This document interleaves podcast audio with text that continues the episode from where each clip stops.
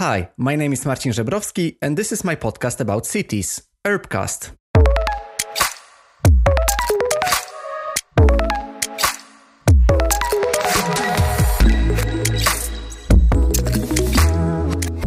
Hi, and welcome to the newest episode of Urbcast, in which we will discuss the very interesting theme of working in architecture and also architecture ethics, as well as approach towards, yes, working too much and towards the mindset. I call this episode either Can architecture be a nine to five job, or more broadly, what mindset do I need to work in architecture? And let me introduce Jake Rudin, who is the strategic thinker, designer, member of the Adidas Advanced Creation Technologies team, and also co founder of out of architecture. He also calls himself ex architect, and you will get to know in the episode why did it end up like this. But today I wanted to discuss whole mindset in architecture which dictates the long working hours, which dictates the exhaustion, and which dictates people burning out at early age. And also people, I mean here the young professionals, designers, architects who just have some bad working conditions and have overworking leading to burnout and also yeah the number of hours that is completely completely unsustainable and is over tiring people and they are just having the mental and physical health problems. And this is just something that we should discuss about. So even though my whole idea for this discussion started when i saw Jake's post on LinkedIn about the OMA offer, job offer, which was stating that the candidate cannot have a nine to five mentality. And Jake criticized it, but in a way that we shouldn't just point fingers towards the one particular company, but it's more about to start a discussion about the business ethics and how can we change the situation of mostly young architects who just are so attracted with the brand of a star architecture office that they agree to work 60, 70, 80 hours per week just for the sake of being a part of such a renowned office. And one more thing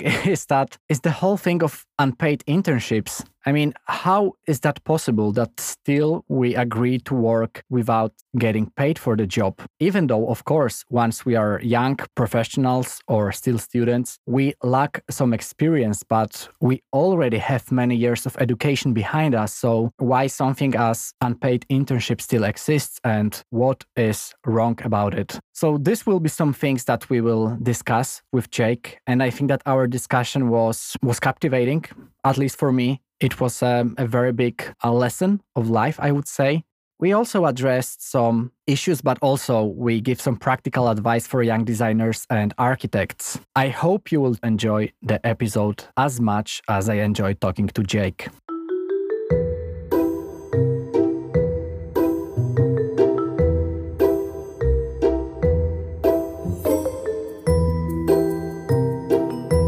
Jake, thank you very much for coming to my podcast. It's a great, great pleasure. I need to say thank you. Marcin, thank you so much for the invitation. I've been looking forward to this for quite some time, so I'm really happy to be here. Yes, me too, especially since I saw your post on LinkedIn, which will be, I hope, the main uh, field of our discussion today. But just before we dive into this, can we just introduce you to the listeners? Can you just say something more about you? Absolutely. Yeah, I can do a short introduction of myself. My name is Jake Rudin. I am the co founder of a small company called Out of Architecture, which is a career consulting firm that is uh, founded by myself and my business partner, Aaron Pellegrino. We support architects, designers, and just in general, people with creative backgrounds in finding roles that are purpose driven, that meet their design requirements, whether that's the design of their career from a monetary lens, from a lens of creative satisfaction, work life balance, all of those aspects. And uh, beyond that, I also have. Uh,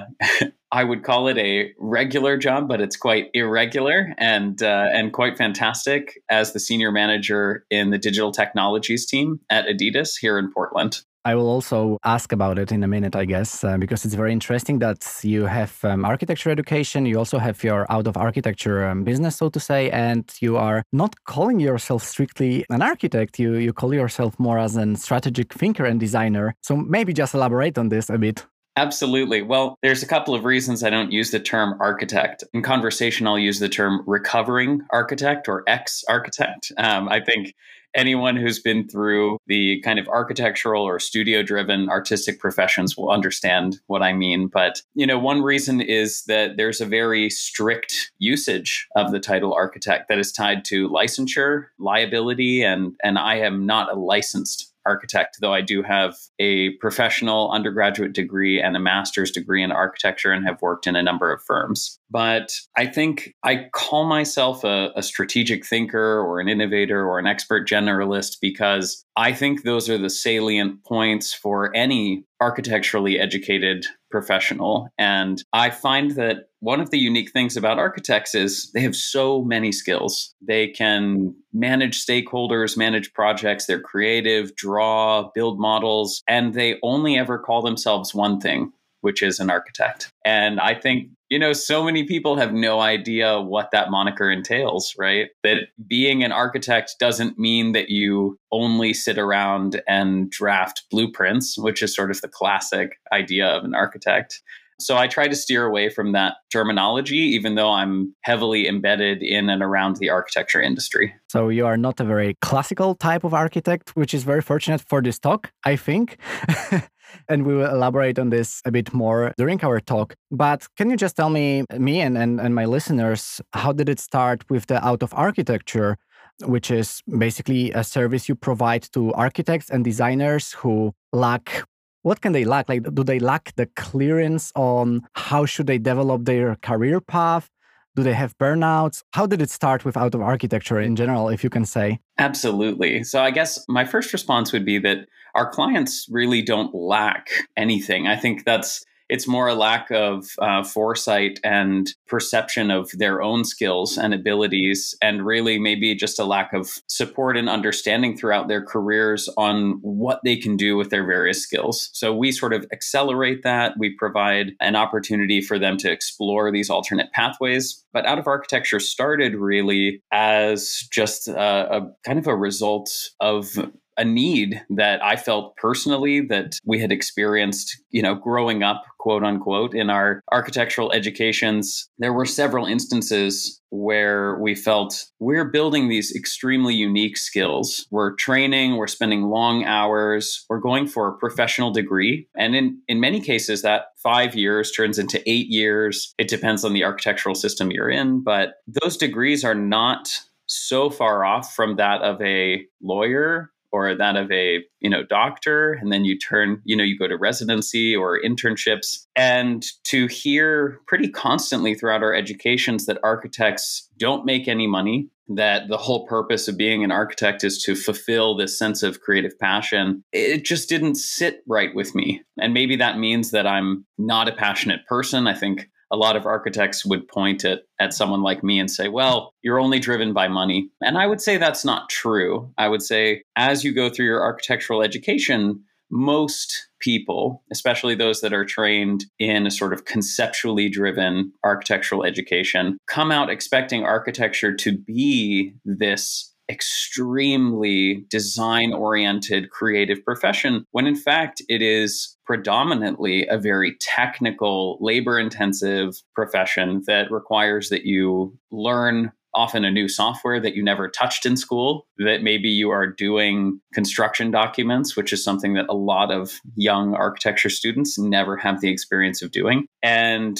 I think the disconnect between there causes this sort of mental rift. And that created a need, which I think we naturally were filling. Aaron and I had a number of friends who were looking to make a change, to find a more satisfying career. Often they were in very abusive positions at, you know, as unpaid labor, whether as an intern or sort of trying to acquire a full time role. And that's a really unhealthy place to be. So we supported a lot of people in that move. And I was one of my own first clients. You know, I helped myself to to go to a young startup and then to transition to Adidas. And really, about three and a half years ago, we started to have more and more people coming to us saying, you know, I, I see that you made this transition. How did you do that?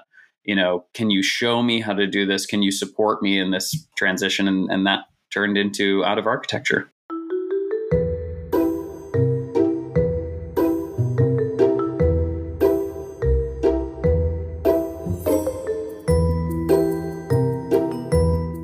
I wanted to focus on this aspect a bit later in our discussion, but I have this urge to just start about it because you just mentioned it. Let's. Which is this bizarre thing of unpaid internships. And of course, you can say that you gain experience. And we used to often laugh about it like, so what do you earn? Uh, you know, currently I'm just earning experience, which equals to like no money. But of course, you need to survive somehow. So you need to get like um, some part time job. And you know, the circle is being closed because you work so much at the architecture studio, then you work to be able to pay for your bills, and then you are constantly tired and you might start doubting mm, the path you have been just taken, especially that you've just spent five, six, seven, or eight years at school. And I know it's very um, simple to just ask for some guidance and just ask you, Jake, what should we do? But like, what should be the first step, the path? Like, can we just change the system in a way, or can we just start to look for something which is more our type of work? Maybe it's not an architecture if it needs so much of experience at the same time and so much of, of working time and, and so much of labor. Well, like, what is your take on that? Because you said that you had this experience yourself a bit. Yes, so I I actually worked an unpaid internship when I was in studying in Italy. I really wanted to spend some time working for Massimiliano Fuksas. I really enjoyed his work. I had heard just incredible things about the aesthetics they had produced, the buildings they had made, and I achieved that for quite a while in hindsight, I regret not treating myself as more valuable. And there is a longer story of how I ended up quitting that position after being told that I had to prioritize my unpaid labor over my schoolwork. But I'll save that for another time. I I think that there is a place for unpaid internships as part of an educational system that is built into degree programs and that is closely monitored and provided as a way to close the disconnect that people experience when they leave the profession. I don't think that is how unpaid internships are being used. And I think the reason that we should abolish them is that it often begets, you know, it often is the first step in a series of very poor business decisions by architectural firms. And the business of architecture is so fraught with bad planning, with terrible fees, with undercutting one's own value. That trickle down effect has essentially made the early architecture career something that is a burden on the person who is starting their career rather than both an opportunity for the firm to bring on new talent and to make money from them as well as for them to make a living. I know that there are so many more ways of addressing this problem, but I believe that a systemic change is absolutely necessary and it starts with closing the expectations for degree programs that really want their students to end up in a traditional architectural practice. There are many degree programs, including, I think, the ones that I attended, that should consider themselves less an architectural only education and more a holistic design education that is valuable across a number of industries, which it absolutely is.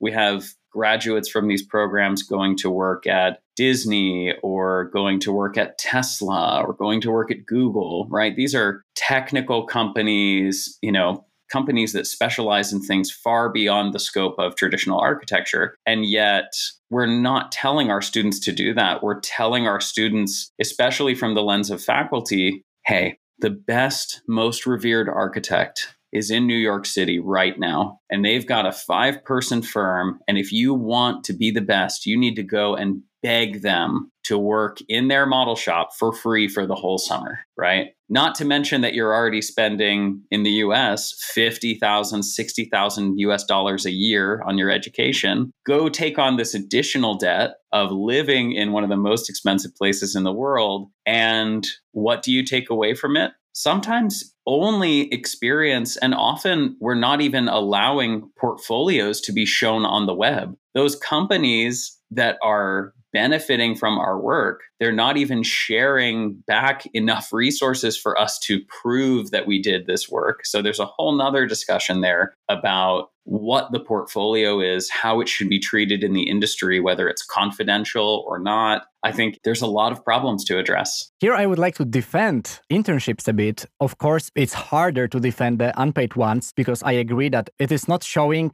a good faith of a company in a way. But I would say that also you need to start somehow, and having an internship, even if it's unpaid, gives you so much of this experience that often I hear. I'm kind of maybe an example myself that what you are being taught at school is almost from the other planet when you start working and and you get so much of the experience and you suddenly start working together in team with some experienced architects. So you might be just feeling that you learned so much that you kind of agree for the conditions. What do you think about it? Oh, I completely disagree, but I appreciate the lens that you're coming from. My counterexample would be let's talk about some big companies, right? I mean, Adidas does a fantastic job bringing in their interns, ensuring that, you know, at a young age, they're having the opportunity to learn footwear, let's say, you know, which is not something that everyone gets the experience to do in school. Same thing with architecture, you know, if there's a component of the architectural education that needs to be done in the profession, it's the responsibility of these companies, these institutions, these architecture firms to build a business model that allows for the appropriate amount of onboarding. I hear all the time, "Oh, well, you know, interns aren't even useful for the first year. You know, they're we we can't even give them work that's valuable to do." And that's really concerning. Yet at the same time, I think architects expect a really high level of turnover a really high level of attrition. And they say, well, it's not my responsibility to train or mentor this individual. The mentorship model in architecture is completely flawed and also causes a huge amount of bias. I think that when we go into the majority of architecture firms, you would be very hard pressed to find someone whose job it is to only manage people. And at the biggest, most successful companies in the world, there is an entire portion of the organization whose job it is to manage people. And I'm not talking about HR. I'm talking about, in fact, architects or professionals who have risen up and have not only a senior level of expertise, but also have been trained over time to coach and onboard and to get value out of younger members of the team. Architecture is missing that hierarchy. And so instead, it has become an excuse oh, well, I'm a creative. I don't need to, you know, train someone else to do my job. They should just understand how to do it. Maybe the sentiment is, oh, well, I had to go through this. You know, I cut my teeth or I paid my dues, for example. So why shouldn't this person have to do it? And that just perpetuates this idea that, okay, well, no one's useful for the first five years, and therefore we don't have to pay them. And then they leave, I think, with good reason.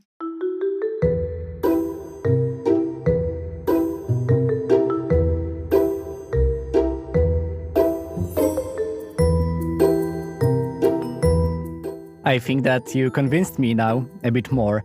And I think that this is a, a, good bridge uh, that we can just take to the main topic of our discussion. Because when you said about the lack of right guidance, I just immediately thought about um, how you can learn as a young professional. Your profession, you can just learn by doing, right? You can just learn by spending enormous amount of hours in the studio. And often it might lead to some kind of early burnouts and so on. But let's talk about the mindset and especially here, I mean the nine to five mindset in architecture, because recently you've posted this post on LinkedIn that got a big attention, I would say. It was a very big discussion. And it got me thinking as well, because one of the star architect studios in Europe, I think that we can just say that it was OMA, who published a job offer with one of the requirements being no nine to five mindset. And I was thinking, like, we should discuss about that, but can we even feel surprised about it? No, and I guess I would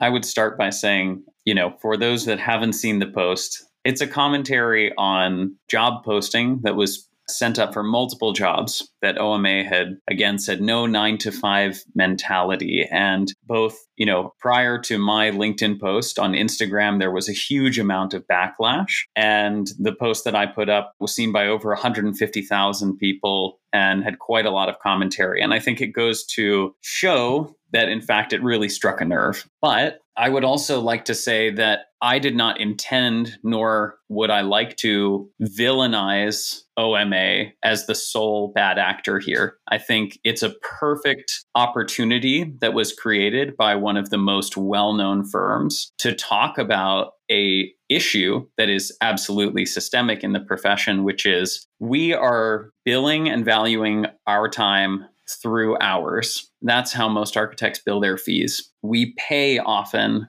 through a set number of hours. Sometimes that's salary, and that salary expectation is set at a certain number of hours per week or per month, right? In the US, it's often 40 hours a week. And that at the end of the day, that 40 hours is never the true expectation. I completely understand this. I've been through firms that have expected very long hours. I've been through firms that have paid me for that overtime. I've been through firms where I wasn't getting paid at all, of course.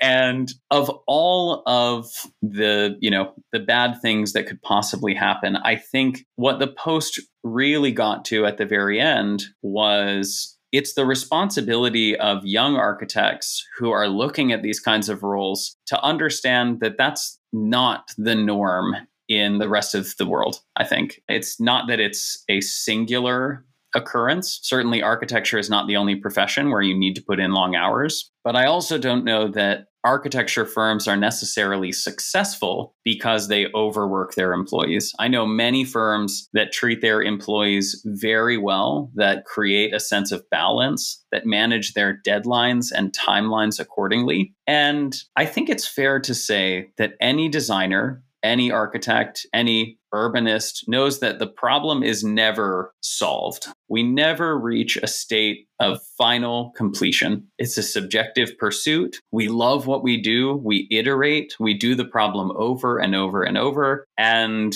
I think, you know, if you let that continue on through your business and down to the people who work for you, they will never stop themselves. And if you encourage that, you diminish their value, you also kind of diminish the value of coming to a conclusion. And very often I see that the firms that produce really good work, they produce it in one of two ways. They burn out people like crazy, they churn through young architects, they create a very unhealthy environment. And equally as successful firms also have very strict hours, they have very positive attitudes, they do actually treat their firms as if they were their own friends, right? So it's important just to create this uh, awareness of the problem and not to say that being honest about it in a post is necessarily a bad thing, but it certainly was a dangerous thing to say in such a public manner and I think it got the attention that it deserved. So maybe we, or, or at least I, maybe I am wrong. Maybe there are actual good conditions in some countries, and maybe there is a nine to five mentality in some countries. And here I just wanted to say about my experience, and I need to say that there are some studios that will allow you to have a kind of a private life as well and a good balance. And especially in Scandinavia, I think that in Copenhagen it's kind of um, a present thing. Of course, not everywhere. So do you have some other good examples? Do you think that it really depends on the country? And can it be that in some countries it is manageable to be an architect and have a healthy, uh, both mentally and physically healthy life as people in uh, in other professions. Absolutely. I also don't think it's country specific. I think it's specific to the individual firm and practice. I would say that for the most part, here in the US, there are firms in every city that would allow you to have very balanced life. I think that the firms that carry the biggest names, those that are associated with some starchitect, often mistreat their young employees. And and I don't say mistreat in a you know a way that they're necessarily physically abusive although I've heard plenty of stories of that. I say mistreat in that when you oppress someone's value you are creating a long term loss for that individual. Because when you start your career the number that you start at is the number that compounds over the long duration of your career. And when I say that young architects need to think about this, when we go in and we take an unpaid job, it doesn't mean the next person is going to want to pay you more. it means they're going to think that you will accept less and therefore they're going to offer you less. I don't think that changes your value. And you may actually be more valuable for the experience that you had, but it doesn't always play out in that manner. As far as specific countries, we have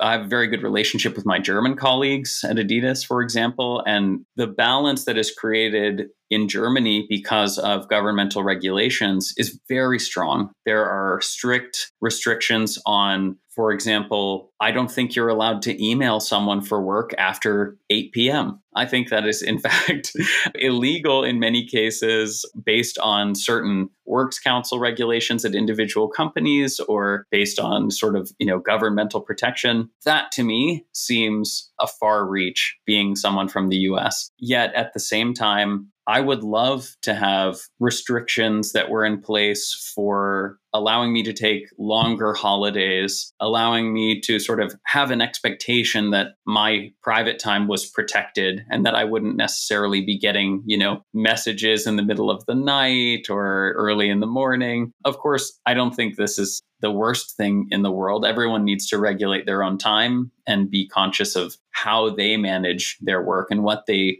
are willing to do, of course. But it's an individual firm problem. And there are plenty of really amazing firms here in the States as well. And I, I applaud those firms for continuing to be a safe haven for teaching young architects the skills that they need, treating them well, and creating lifelong architects that want to remain in the profession and that are willing to do this incredible work.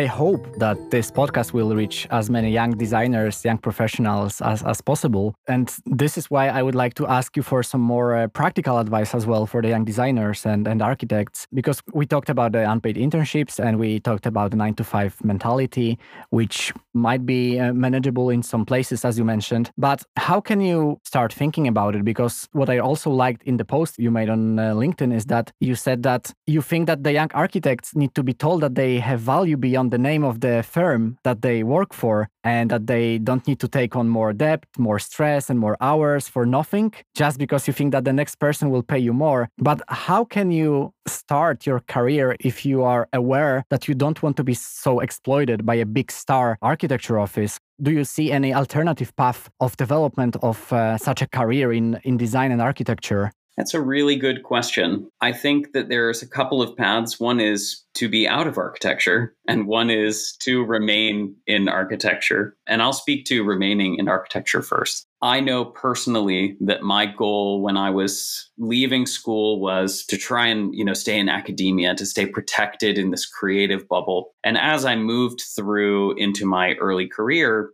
I was interviewing at firms and I felt that not only was my desire to have the best firm name, to work for the best company, but I wanted to produce really amazing work that was true to my values, my creative vision. And every firm that I went to when I was interviewing through the firms in Boston, I felt that either I could have one or the other. I wasn't able to drive the creative process and I also, you know, wasn't necessarily able to get the biggest name if I wanted to take part in that. And the advice that I would give to young architects and designers is twofold. One is if you protect your time you will have more flexibility for those creative pursuits beyond the work that you're doing at your firm. Most of the architects I know, they are multidimensional. They love to be busy. They often have two, three, five jobs at a time. Maybe they're running a podcast. Maybe they're, you know, have an Instagram that's creating NFTs. Maybe they're, you know, making furniture. And if you are trying to build your name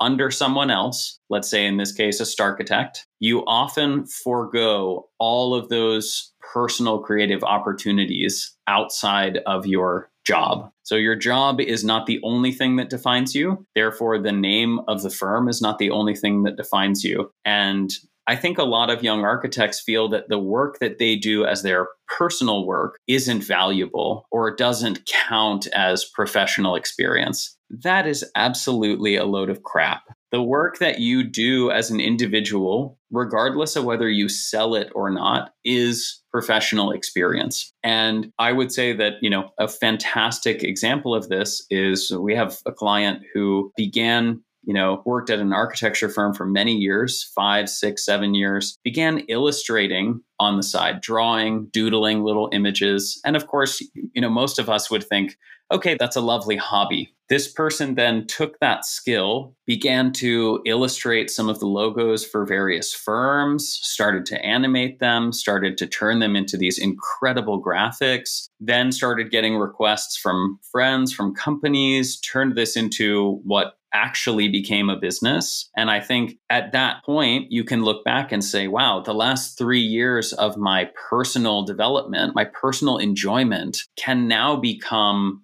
my profession, can now become what everyone else terms a job. So that would be my first piece of advice is don't ignore those uh, you know little thoughts in your head that say hey I, you know we really enjoy this. We really like making furniture. Can't can't we do that? The second piece of advice would be that there are so many other industries where you can make incredible products, where you can put things out into the world that are meaningful and impactful and beautiful and sexy, and that it doesn't have to be architecture. And you can make a name for yourself being a multifaceted designer at a young startup, you know, that you could have many hats on. You could be the project lead, you could make a name for yourself in another consumer product industry. I mentioned both automotive and sportswear already, but there are many more. Or you could take your skills in architecture beyond just the realm of design. The architectural engineering construction industry is massive. And if what you enjoy is chasing down a lucrative property and developing it and trying to, you know, make the most money that you possibly can, there is nothing wrong with that. And there are many people who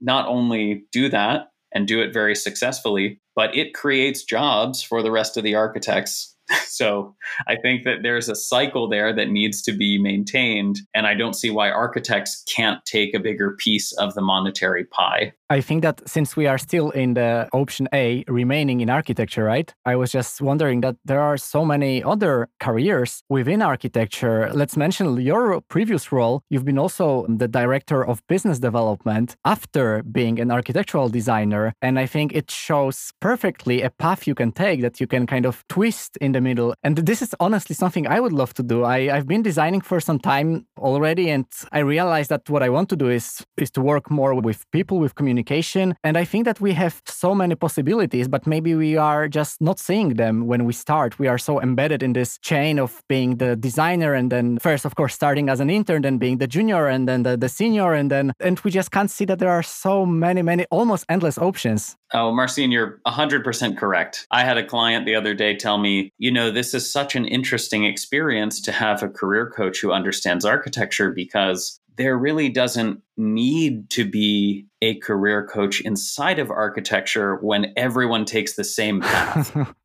she said, You know, I've never had to think about my career because it was always the expectation that I would start here, go here, and finish here. You know, I would start as an intern, I would become a project architect, I would finish as a partner or a principal, and that would be my my career. So you're certainly right that there's a perception that there's only one path when in fact many firms now are seeing the value of marketing for winning projects. They have people who are actually doing sales which is a, completely new idea in architecture to have someone whose sole purpose is to find work. And this goes back to You're just selling architecture, right?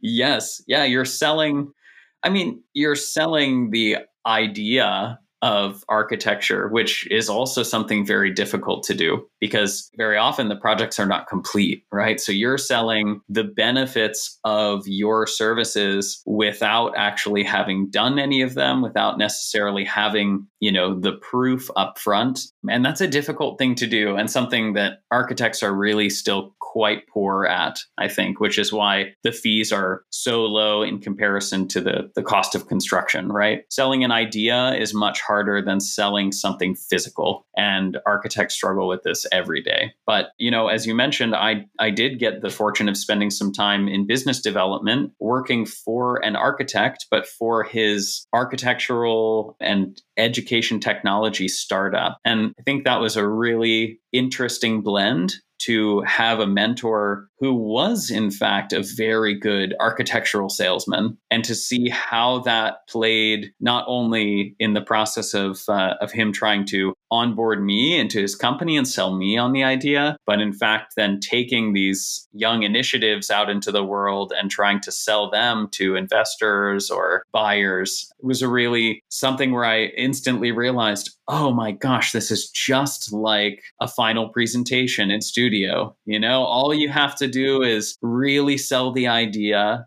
And we're taught to do that all the time in architecture school. So why not?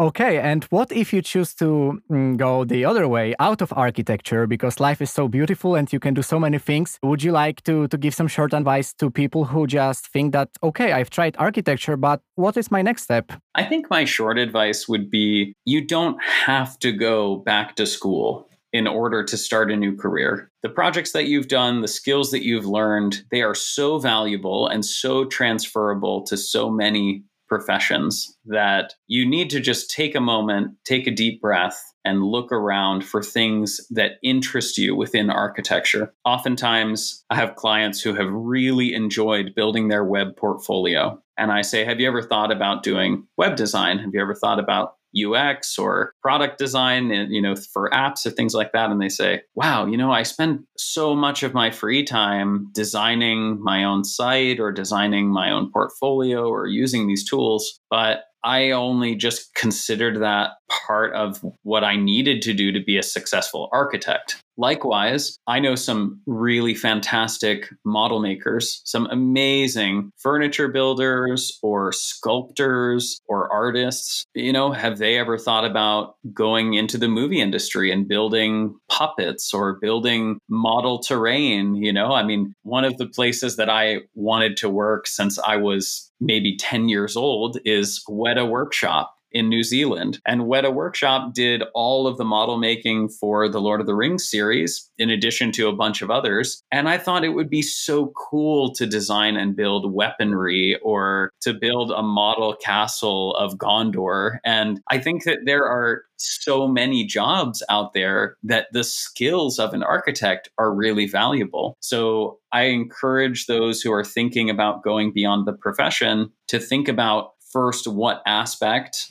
of architecture they enjoy the most. If it's technical, you could even go into something like facade consulting, right? Or you could go into a consulting firm or business, something as big as Deloitte or McKinsey or one of these huge consulting companies, and support them as they go out and help large corporations to discover what architecture can do for their business, right? That's a strategic lens. I think there are so many pathways, it's hard to list them all, but you can see just from this short conversation that it doesn't necessarily require you to start over. And I think that's one of the biggest takeaways I would encourage people to have from this conversation.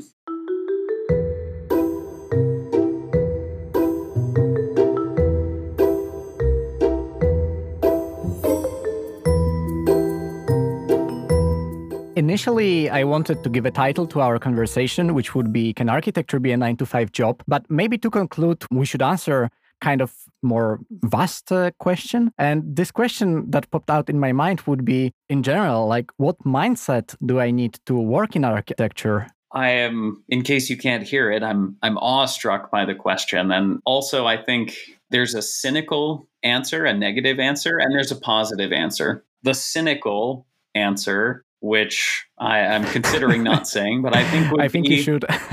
yeah, I think I think we have to at this point. Is I think there is a mindset that says my value is in producing beauty, and that is what I am good for. It's not driven by some personal desire to, you know, maintain my own success or my health. I am solely driven by creating an aesthetic that goes out into the world and is applauded, is seen as not only innovative, but nuanced, and is in many ways just for other architects. I think some of the most famous architects they don't design projects for making the most money. They design projects for themselves and for their peers. And that recognition is enough for them. So that would be the cynical mindset. And and that mindset is it is not nine to five. It is two in the morning to two in the morning the other day. It is 24 hours. And I think there are artists who can get enough satisfaction from that very thing. The positive answer is I think to be successful in architecture, you need to have this mentality that I don't have to be the singular expert in any one thing, and that my love of learning is my power. That the fact that maybe I want to try this new thing, I want to experience this new thing, and I want to synthesize that into something tangible, something beautiful. That is what I bring to the table. And maybe you're bringing that beyond the bounds of a traditional firm. Maybe you're bringing that excitement to your firm and saying, look, I know that you want to do this project in this way, but let's try one more solution. Let me show you how this new innovative fabrication method, this new material, this new aesthetic can bring life to the project can contribute something that would make our client happy that would that would provide what architecture is really really good at which is an experience. I think that mentality will make you a successful architect. And if you can pair that with a consciousness of your own mental health, your own excitement, your own passion. All of those things together are equally important. And if you can maintain them and keep them in balance, I think architecture is a fantastic profession to pursue. I think there are many problems that we address that could be fixed but those firms that are doing it right, I certainly thank. And those firms that need to improve, I hope will either be forced to improve or that at least I can help the individuals who are looking to make a change from those places. I'm an optimist. So thank you for finishing with this uh, on this positive note. I'm really happy that I hope that listeners will also get some hope after listening to our conversation. So I'm I'm very thankful for that, Jake. And before I will let you go, I wanted to ask you for two more things. And one of them will be a book recommendation. Could you recommend a good read for the listeners? Well, the answer probably has to be that we are in the process of publishing an out of architecture book. And I know I didn't tell you this before the no. podcast, so that's amazing.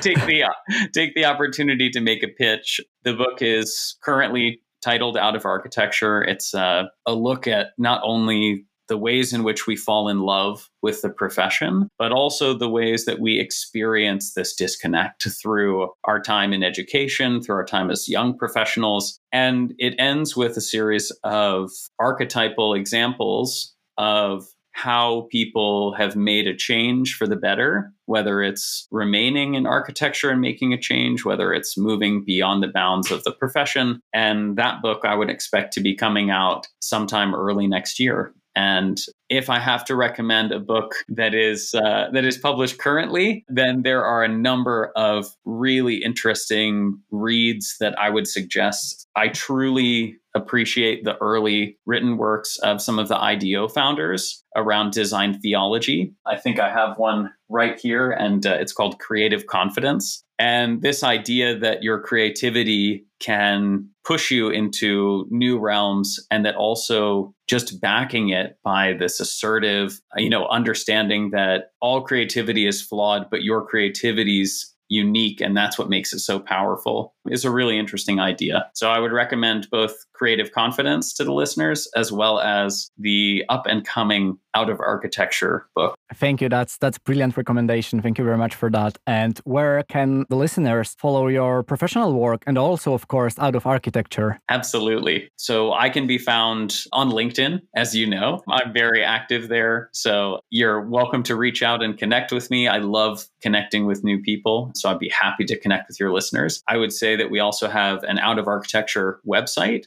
outofarchitecture.com. We have Out of Architecture on Instagram, where we post not only job openings that we see that are available beyond the profession that are exciting. We have stories from clients. We post some some funny things, some inspirational things, and occasionally we uh, we poke fun at you know big name architecture firms. So if you enjoy that kind of thing, you're welcome to follow us. That was an amazing time with you and amazing lesson for me, and I hope that it will be the same for the listeners. So the last uh, thing I can say is thank you very much, Jake, for your time. Marcin, thank you so much. Thank you.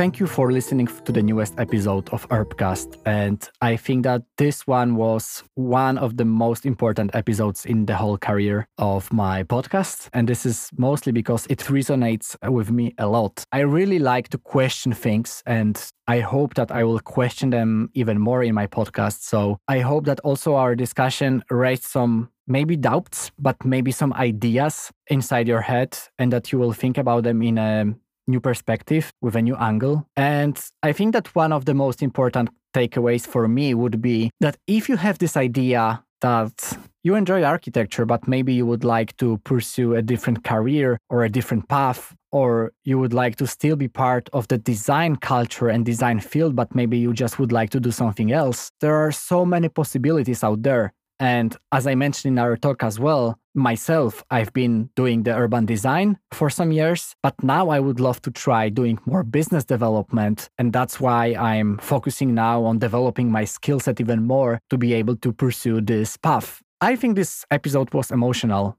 and and it should be because while we talk about overworking and working for 15 hours 16 hours a day in architecture, we are also talking about the loss of our health. And I think that you just we all should be aware of how do we use our bodies. If it's architecture if it's urban design or if it's something else just be aware of how you treat yourself and your body and your mind. And yeah just remember that first of all we are human beings and then we have our all different roles and professions and so on. I think i will end here and i need to say that I'm very happy with this episode. And if it gave you anything, please share it with your friends, with other architects. Feel free to reach out to Jake to check the out of architecture website or yeah just to write to me and and just say what are your thoughts about this and i hope to talk to you soon again